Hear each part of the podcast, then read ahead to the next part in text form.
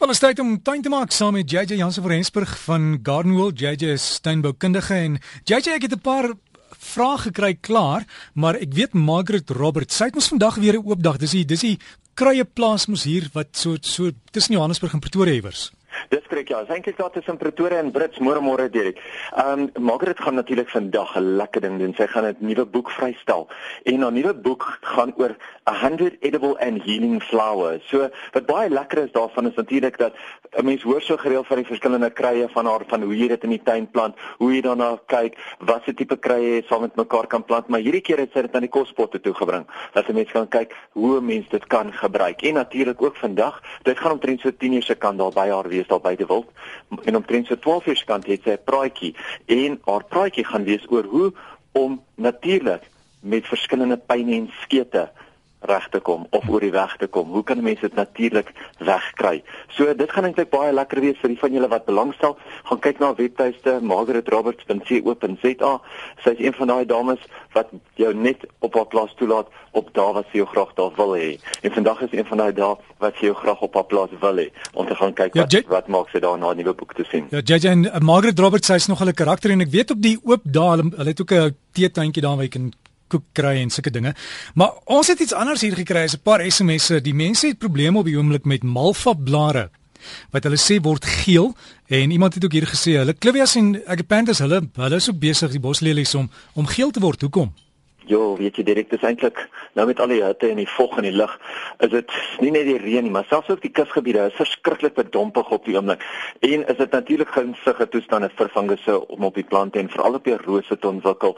Jy praat dan van jou malvas. Jou malvas kry verskriklik maklik 'n roes op sy blare. Jou agapanthus en jou boslelies kry baie maklik 'n wortelvrot. So mens moet maar doodseker maak dat jy hulle nou behandel teen daai verskillende fungusse. Onthou ek het net gepraat van die rose, veral met jou rose want almal is ons maar lief vir 'n roos en almal ons wil ons maar weet hoe kan hulle hulle rose op hulle mooiste hou. En die, die tekens vir fungus op jou rose is die duidelike swart vlekke op die blare wat dan natuurlik swart vlek genoem word, maar ook die witterige poeierlaag op die blare wat daai poeieragtige meeldou genoem word. Nou beide van hierdie fungusse kan eintlik met 'n sistemiese doder behandel word. En hierso dink ek nou byvoorbeeld aan oreus, ek dink aan kronos, ek dink aan funginex. Daar's geweldig baie wat 'n mens kan gebruik. Maar onthou, 'n mens kan ook baie maklik ietsie soos jou rose protector gebruik wat eintlik die fungusse vir die volgende 3-4 weke doodmaak. So kyk kyk eerder of jy ietsie wat voorkomend is kan spuit as wat jy net behandeling kan spuit. Ook hierdie tyd van die jaar kry jy dit geweldig baie op die Pride of Indias.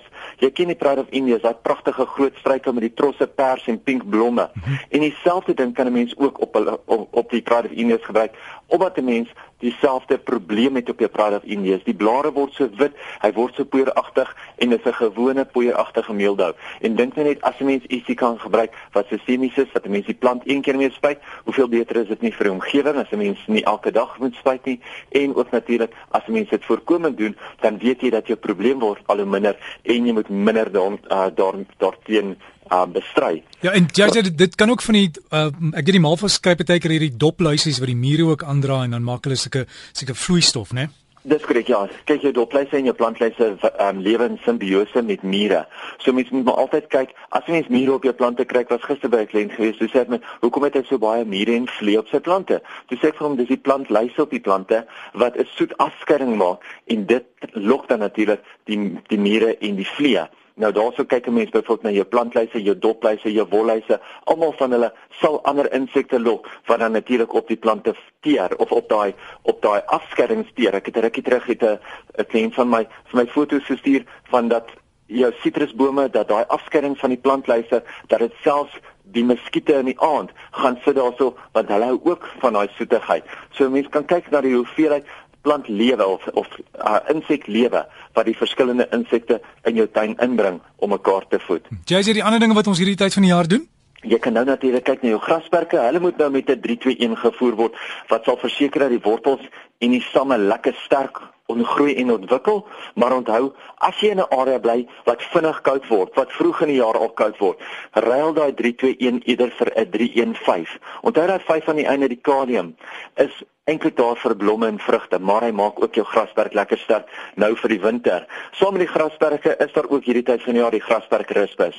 Nou jou grasperk ruspus kom net voor in Januarie, Februarie, Maart wanneer dit lekker warm is, wanneer daar baie reën is. Maar onthou die belangrike gedeelte is om nou seker te maak dat jy daai grasperk ruspus hierdie tyd van die jaar behandel sodat hulle kan sodat hulle nie kan eiers lê nie. Want as hulle nou gaan eiers lê as hulle nou 'n papies gaan kan ontwikkel en kan hulle volgende lewensiklus of hulle volgende stadium kan begin dan natuurlik gaan jy 'n probleem hê dat hulle weer volgende jaar gaan terugkom. Maar roei jy hulle nou uit maak jy nou seker dat hulle nie gaan terugkom nie dan weet jy dat jy nie daai probleem gaan hê nie. Baie mense het ook natuurlik die vraag nou wat gebeur met die voëls as ek byvoorbeeld nou sou spuit vir die grasperk rispus die die, die goeie ding is eintlik dat die die insekdoder bly nie baie lank in die plant of in die wurm nie. So as mens dit vroeg in die oggend kan spuit en die son se strale kan deur die dag op die grasperk brand, dan sal hy al daai dan dan sal die son se UV-strale eintlik meeste van daai insekdoder doodbrand en stik en brand. So spuit jou grasperke vroeg in die oggend, dan weet jy dis net een dag wat jy basies die voëls en son moet weghou of as jy die honde daar kan laat hardloop, miskien die volgende dag sal dit altyd beter wees. Maar mens moet maar altyd versigtig wees. As jy nou ietsie wil gebruik vir jou grasperk Christus, gebruik jy ietsie soos Nox Worm, dis K N O X Worm of jy gebruik natuurlik ietsie soos jou gewone ou Garden Record of Malathion. Dis 'n ander een wat ook baie goed werk. En JJ, wanneer ons gif noem, moet jy sê gebruik dit versigtig, gebruik dit alleenlik wanneer nodig en volg die aanwysings op altyd, die pakket. Altyd, altyd, altyd. Jy kan nie meer klem daarop lê nie. Die laaste enetjie is dat jy dit kosmos. Al die kosmos is so op die oomblik besig om in blom te raak oral langs die paaie. sien jy net hierdie pragtige kosmos se begin weer blom. En nou kom almal natuurlik in na die kwekery toe en nou soek almal die kosmosade. Maar teen hierdie tyd van die jaar moes jy dit al klaar in die grond gehad het. Jy kan nie nou meer jou kosmosaad saai nie en dit help ook nie 'n blikkat plant op die kant van die pad en hoop hulle gaan in jou tuin groei nie. Kyk jy uit vir die kosmosade as hulle weer beskikbaar is vroeg in die somer, saai hulle dan want meer dan die einde van die somer toe gaan hy vir jou pragtig blom. En jy het net 'n laaste vraag, iemand vra, hulle het pompoene geplant die eerste keer in hulle lewens. Hulle dra nou, maar wanneer weet jy dis tyd om hom te pluk? Dink ek heel interessant, hy baie maklik. Sodra hy pompoen se se vrugstammetjie begin doodgaan. Sodra hy begin kwyn, dan weet jy jou pompoen is nou gereed, want dan kan jy hom eintlik afblik, want dan weet jy die, die moederplant gee nie meer aan die pompoen sy kos nie, dan weet jy hy speen hom, so jy kan hom dan pluk. So as die naalstring doodgaan, dan kan jy hom afhaal.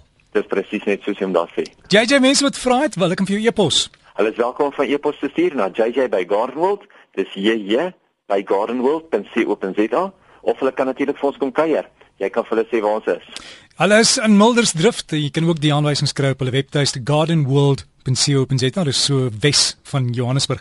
JJ se e-pos is JJ by gardenworld.co.za.